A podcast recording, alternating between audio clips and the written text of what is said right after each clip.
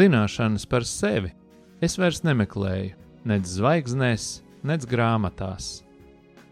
Es tās atrodu, ieklausoties pats sevī.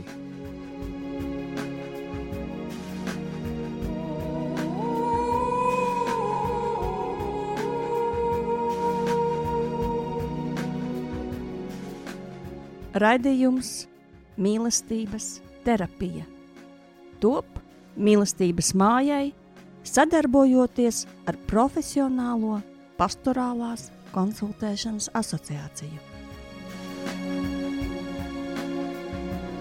Sarunas par sevi, dzīvi, psiholoģiju un dvēseles terapiju.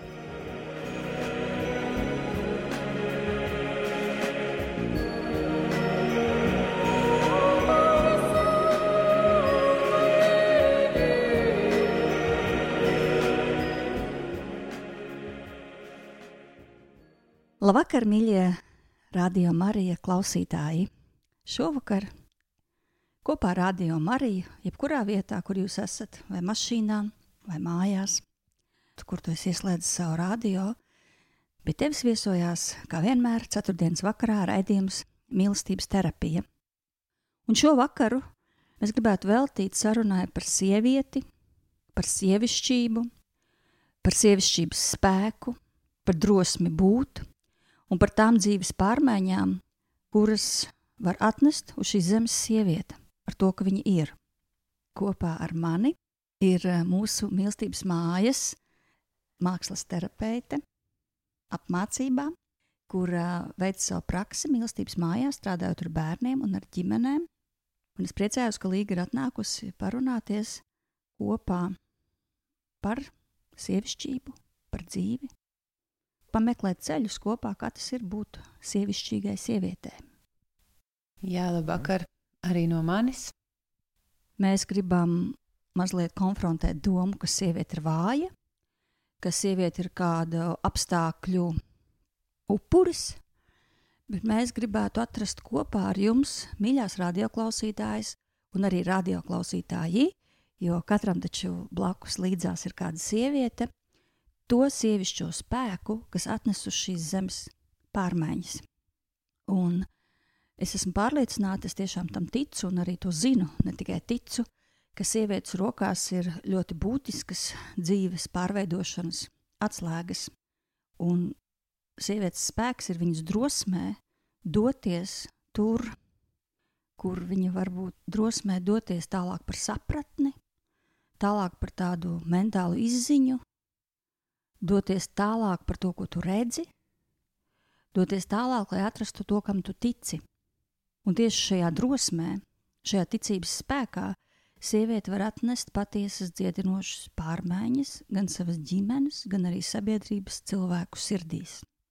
Un kā vienmēr raidījumu grib iesākt ar kādu stāstu no dzīves par kādu ģimeni, kura pastāv vairāk kā 15 gadus, Un šajos pirmajos desmit gados, kamēr viņi dzīvoja kopā, viņi ir piedzīvojuši dažādus ļoti sāpīgus brīžus.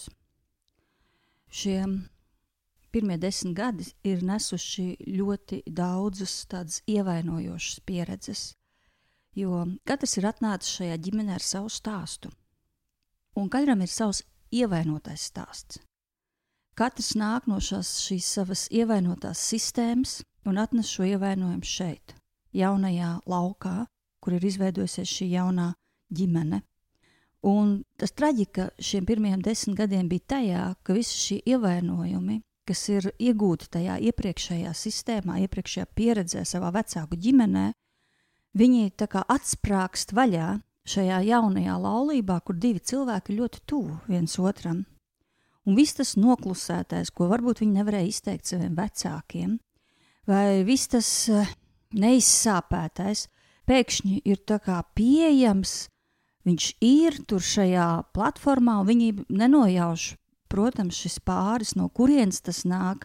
Vienkārši dzīve ir reakcija, sāpes, sāpes, reakcija, reakcija, sāpes, sāpes, reakcija. Un viss griežās tā tādā sāpju karuselī, viņi nespēja ieelpot veselības gaisu. Viņi tā kā gribētu, viņiem pat ir nojausma, ka šāda veselība kaut kur ir iespējama, bet viņi atrodas vienā lielā brūcē un tā kā tajā grimst. Un uh, dzīve izspēlē tādu ironisku triku vēl ar šo ģimeni. Viņi pazaudē bērniņu, bērniņu, kuru šī sieviete nes sastajā mēnesī. Viņš ļoti traģiski, šis bērniņš iet bojā. Un eh, tā kā ģimenē ir vēl citi mazi bērni, tad vēl traģiskais tas um, ķēdes posms savelk to visu tā, ka nav iespēja tā pa īstam šīs zaudējuma sāpes izsāpēt ne sievietē, ne vīrietim. Jo ļoti daudz apvīti šie traģiskie notikumi, savstarpējās attiecības nospriegots, ir mazi bērni, kuri visu kaut ko prasa no abiem diviem. Un principā ļoti nu, strauji tas viss notiek, un, un bērniņš arī tiek turēts uz rokām, un viņš tiek apglabāts reāli, un viņam ir kapu vieta. Bet nevienam, ne otram nav tādu iespēju šo zaudējumu sāpju kaut kā izsāpēt, izraudāt, izrunāt. Tas paliek iekapsulēts. Un šādi pārdzīvojums uz pārdzīvojumu, sāpe uz sāpi, nespēj tās izrunāt. Tā kā šo laulību ieved tādā ļoti smagnējā, smagnējā tādā situācijā, kur sievietē vienā brīdī ir gana. Un viņa saka, stop. Es vairs to nevaru, es vairs to negribu, man tā ir pa daudz. Es esmu gatava, es esmu caur šīm visām ciešanām pieaugusi. Es gribu iet prom. Es gribu iet prom. Bet vīrietis saka, es negribu, lai tu ej prom. Arī viņš ir kaut ko caur šīm sāpēm mācījies. Viņš ir mainījies, viņš ir transformējies, viņš ir saticies ar savu vīrišķo enerģiju, un viņš saka, es esmu gatavs mainīties. Es esmu gatavs kaut ko darīt. Es saprotu, es esmu tevi sāpinājis, es esmu daudz tev darījis pāri, bet es gribu iemācīties tevi mīlēt. Es gribu, lai mēs ieejam jaunā attīstības posmā, un sieviete saka, nē, es to nevaru man nav spēka iet tālāk. Es gribu piedzīvot brīvību. Es gribu, gribu būt brīva. Un lūk, šāds uh, lēmums, un sievietes lēmums, un es šeit negribu nevienu ne otru kaut kādā veidā nosodīt. Es gribētu teikt, ka šeit ir sāpju pa daudz. Tā kā viņas uzkrājušās ļoti pa daudz, un var saprast šo sievietes lēmumu, bet ģimene satiekās no divām vecām sistēmām un veido jaunu. Un šī jaunā sistēma neveidojas viegli. Šī jaunā sistēma transformējas caur daudziem tādiem tumšiem koridoriem. Un, lūk, šeit, man liekas, sākas tā iespēja attīstīties šai ģimenei, un sieviete pasaka nē. Bet, ja sieviete mazliet atbrīvotos no šīm iekšējām sāpēm, kas viņai ir, pabūt pat ar sevi, varbūt viņi varētu nonākt līdz jā, un tad varētu veidoties pilnīgi jauna sistēma, kas ir dieva caurstrāvota, dieva un mīlestības caurstrāvota, transformēta, kur varētu pārņemt arī bērni. Bet, ja sieviete paliek šajā nē, es negribu, man nav spēka, tā viņa turpina šo vecās sistēmas iemīto taciņu, un principā nekas nemainās ģimenes šķirās, bērni saņem to mantojumā, cilvēki šķeļās un turpina to nākamajās paudzēs to pašu, ko saņēmuši šajās, kamēr vienam pietiks drosmes pateikt jā.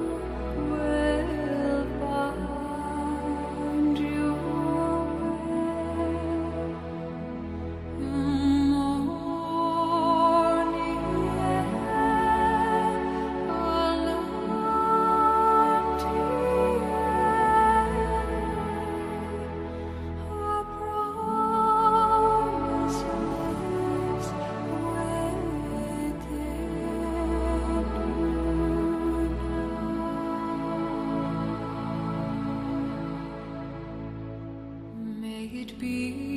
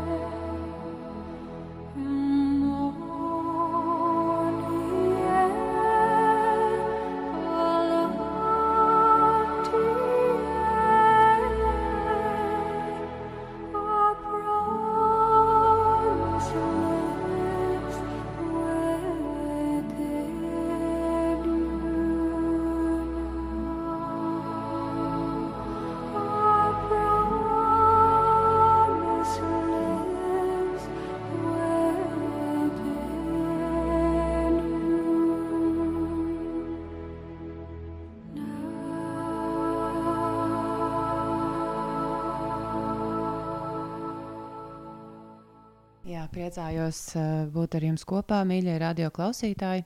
Un uh, interesants ir šis uh, stāsts, ko tu tikko Inna līdzdalīji.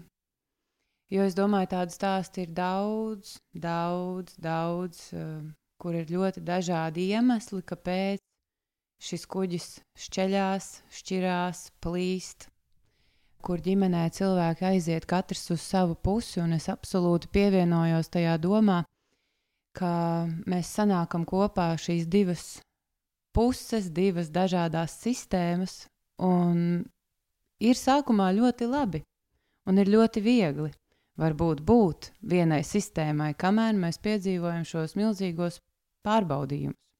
Un tas, ko es dzirdu šajā stāstā, arī bez jebkāda nosodījuma, ir, un, bet drīzāk ar tādu sapratni, ir šīs milzīgās bailes palikt šajā sistēmā, kas varētu būt bijušas šai sievietei, ja viņa ir nesusi vairāk nekā viņa var panest.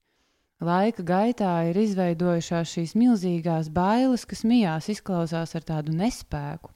Un tad man jādomā par to, Cik bieži arī es satieku dzīvē sievietes, kuras nes, grib vai negrib, ir ļoti dažādi iemesli, vairāk nekā viņas var panest. Dažas no viņām atzīst, ka viņas nevar, dažas neatzīst. Un tad vienā brīdī notiek lūzuma punkts, un viņai ir izvēles iespēja palikt tajās bailēs, it kā bēgt Kaut kas no tādas bēgošās, līgavas stāsta tajā visā ir. Un atkal ir, ies, viņai ir iespēja paņemt to savās rokās un mēģināt mainīt. Bet tas, ko es noteikti dzirdu, ir, ka viņai ļoti vajadzētu kādu līdzās, kas ir kāds, kas nav vīrs, kas nav ģimene, kas var padot roku un palīdzēt viņai šajā pārmaiņu ceļā. Un uh, no savas pieredzes es varu dalīties tajā, ka ir Ir šādi brīži bijuši manā dzīvē, kad ir, ir jāpieņem lēmums, vai nu es eju tajā pašā virzienā, kur nes iepriekšējā sistēma, vai es pieceļos un saku, nē, es jūtu, ka man ir, man ir kaut kāda sava daļa. Man ir kāds darbiņš jāizdara šeit virs zemes. Un ir kaut kas, ko es varu izmainīt pie sevis, un jā, arī mans partneris, mans vīrs no tā var iegūt, un mani bērni no tā var iegūt. Un es varu būt šo pārmaiņu nesēja, bet tas prasa daudz, daudz spēka. Un tur es domāju, ka ir forši, ja līdzās ir kāds, kurš iedod roku, kurš palīdz piecelties no tām grūtībām, arī tā kā paskatīties spogulī un pajautāt sev, vai ir tik traki, vai varbūt man ir vēl mazliet spēka, varbūt es varu vēl, Un, ja es varēšu vēl drusciņi, bet pārējie arī palīdzēs, tad kopā mums var izdoties. Jā, nu, transformēšanās ceļš viņš nekādā ziņā nevar būt viegls. Tas tiešām ir ceļš caur tumsai, un caur tumsai, kurā tu atrod gaismu.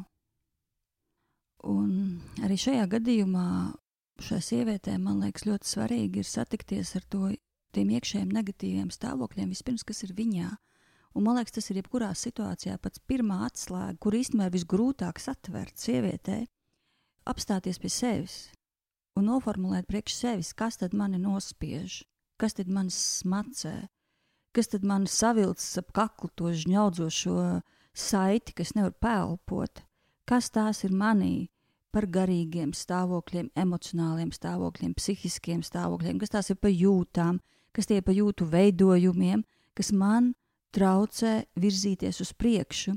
Jo tas visvieglākais, ko mums gribas darīt, mums gribas pagriezt pirkstu tā otra cilvēka virzienā un teikt, viņš ir vainīgs pie visām manām sāpēm. Un kaut kādā ziņā viņš arī viņas provocē, protams, arī šajā stāstā, un principā laulībā tā notiek vienmēr. Viņš viņas provocē, vai viņa viņas provocē viņam.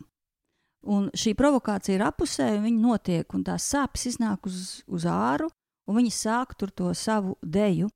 Apstāšanās ir tad, ja tu vari nolikt viņu, lai ko viņš darītu, lai cik trakas lietas viņš darītu, lai cik destruktīvas lietas viņš darītu, pārtraukt skatīties uz viņu un atstrādāt to savu daļu, tikai savu.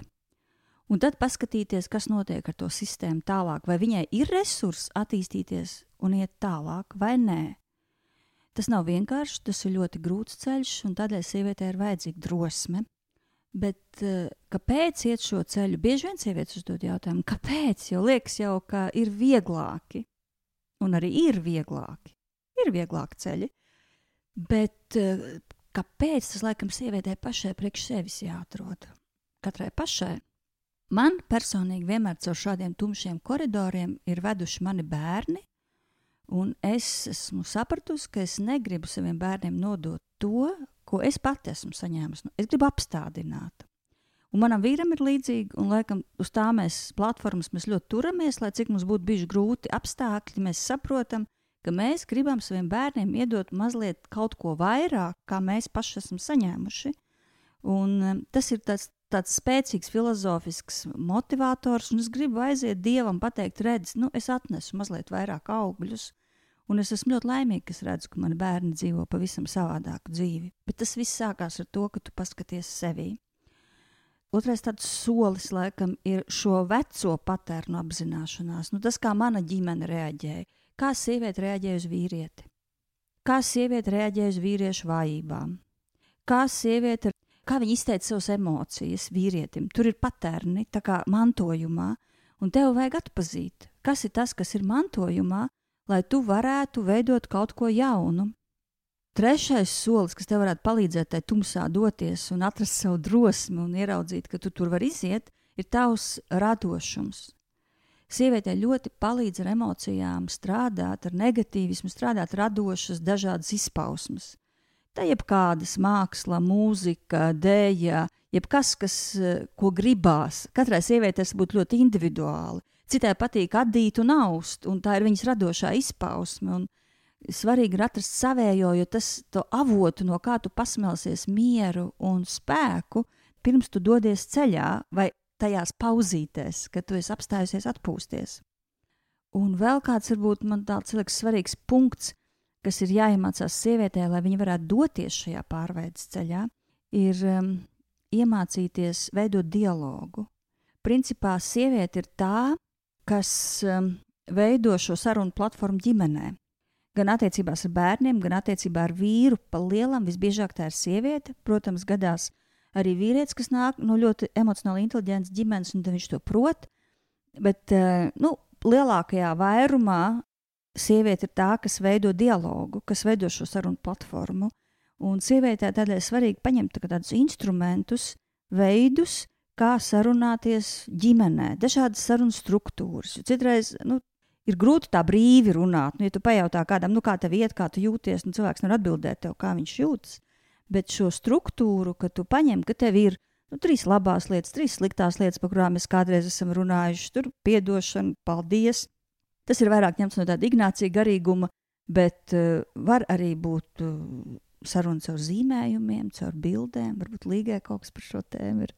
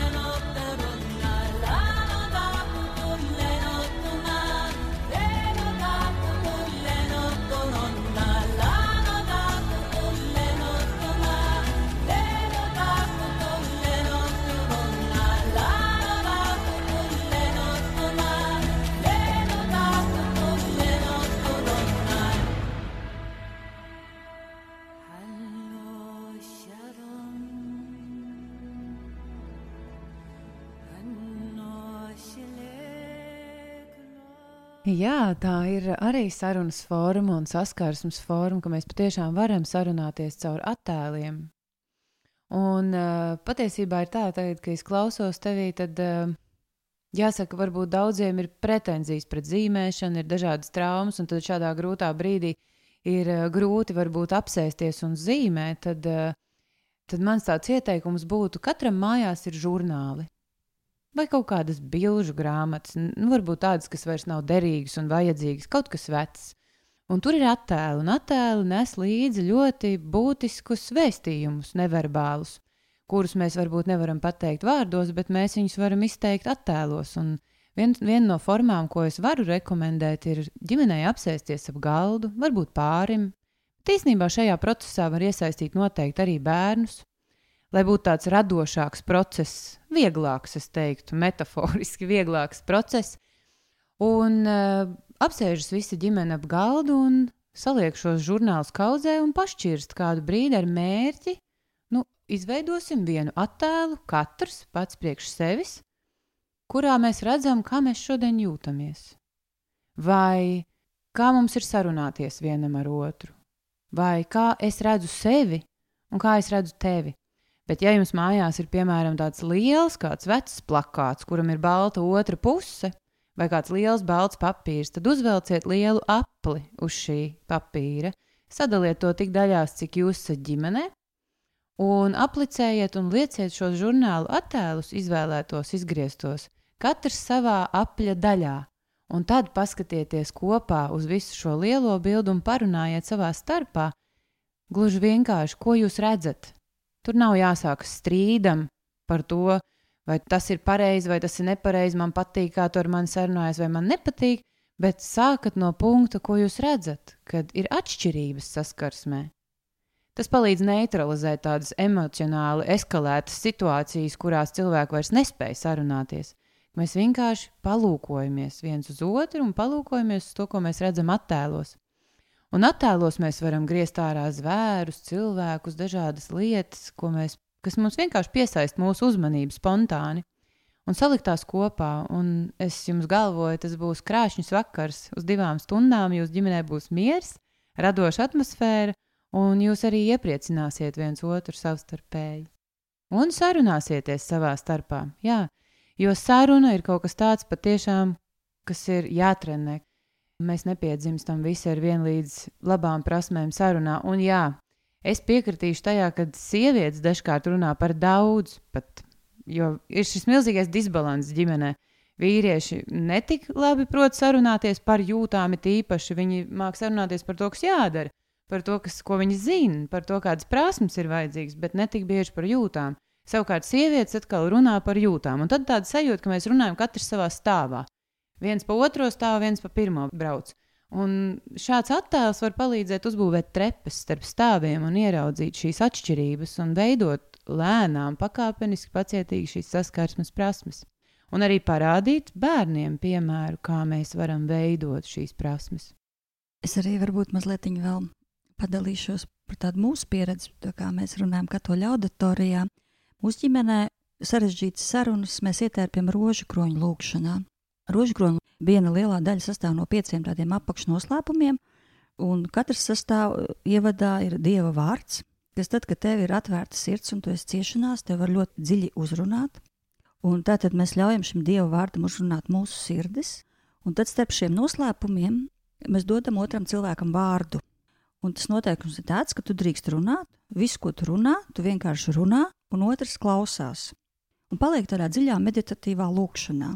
Un viņš nedrīkst, otrs nedrīkst iejaukties tajā vispār nekādā veidā. Un viens runā tik, cik viņš grib, un tad mēs lūdzam lūgšanu. Bez komentāriem. Un tad ir otrs noslēpums, un ir atkal Dieva vārds, un mēs ļaujam šim Dieva vārdam darboties, un tad runā otrs cilvēks. Un atkal otrs var izteikt visu, un pirmais klausās. Un tad ir lūkšana. Un šī lūkšana, šī saruna padara rožkronu lūkšanu ārkārtīgi dziļu, dzīvu viņa var ieiet līdz tādām zemapziņas dzīvēm, un bieži vien viņa atver tādai sarunai, kāda nu, mūsu pieredze tā ir ģimenē, kādai varbūt nebūtu iespējams nu, vispār notikt, ja tā būtu vienkārši tāda saruna. Mēs varam aizplūst visādās emocionālās tādās sāpīgās reakcijās, bet šis rožu krons iedod tādu tā kā rāmi reizē, bet reizē arī nu, lūkšana pati par sevi ved dziļumā. Kā vienmēr gribētu noslēgt arī šo mūsu sarunu par eh, sievieti, kā par pārveides instrumentu ar lūkšanu, eh, par mūsu zemes sievietēm, par tevi, kas klausās šo raidījumu, par to, lai tev ir drosme doties un doties tur, kur Dievs tevi sauc. Ja Viņš tev ir uzticējis, tad Viņš tev dos spēku arī pārveidēt, tad Viņš tev dos materiālu, tad Viņš tev dos gudrību, tad Viņš tev dos sirdi īstajā vietā. Gribētos šovakar lūgt par šo ceļu, par šo sievietes ceļu, kurš pārveido katras sievietes dzīvē un liktenī. Tāpēc tagad atvērsim savus sirdis, sagatavosim sev lūgšanai, atvērsimies Dieva darbam, sevī un lūgsim.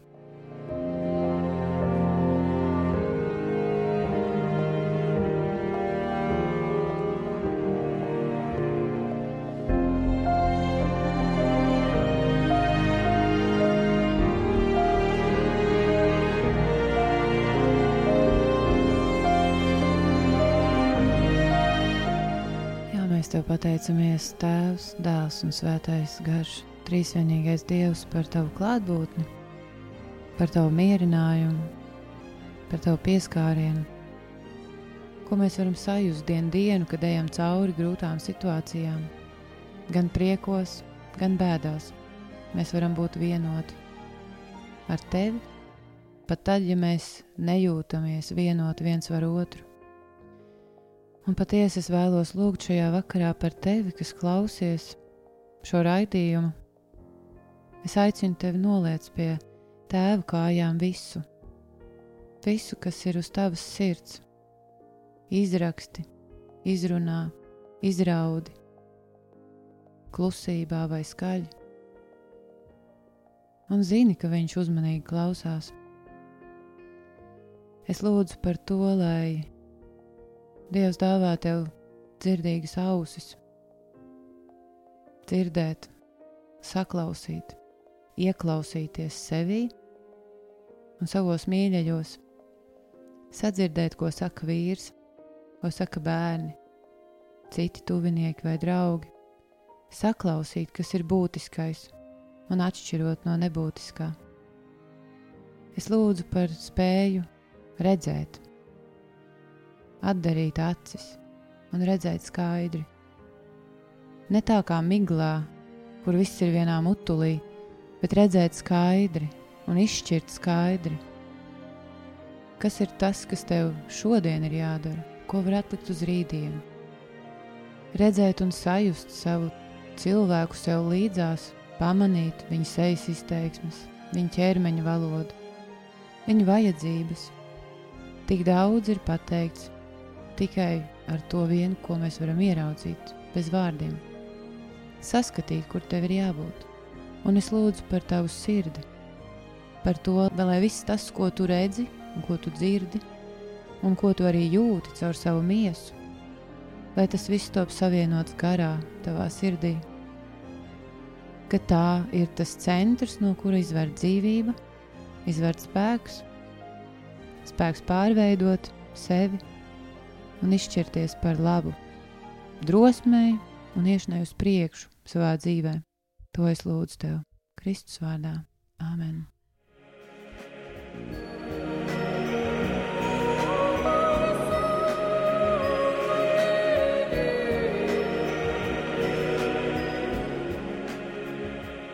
Jūs klausījāties raidījumu mīlestības terapija.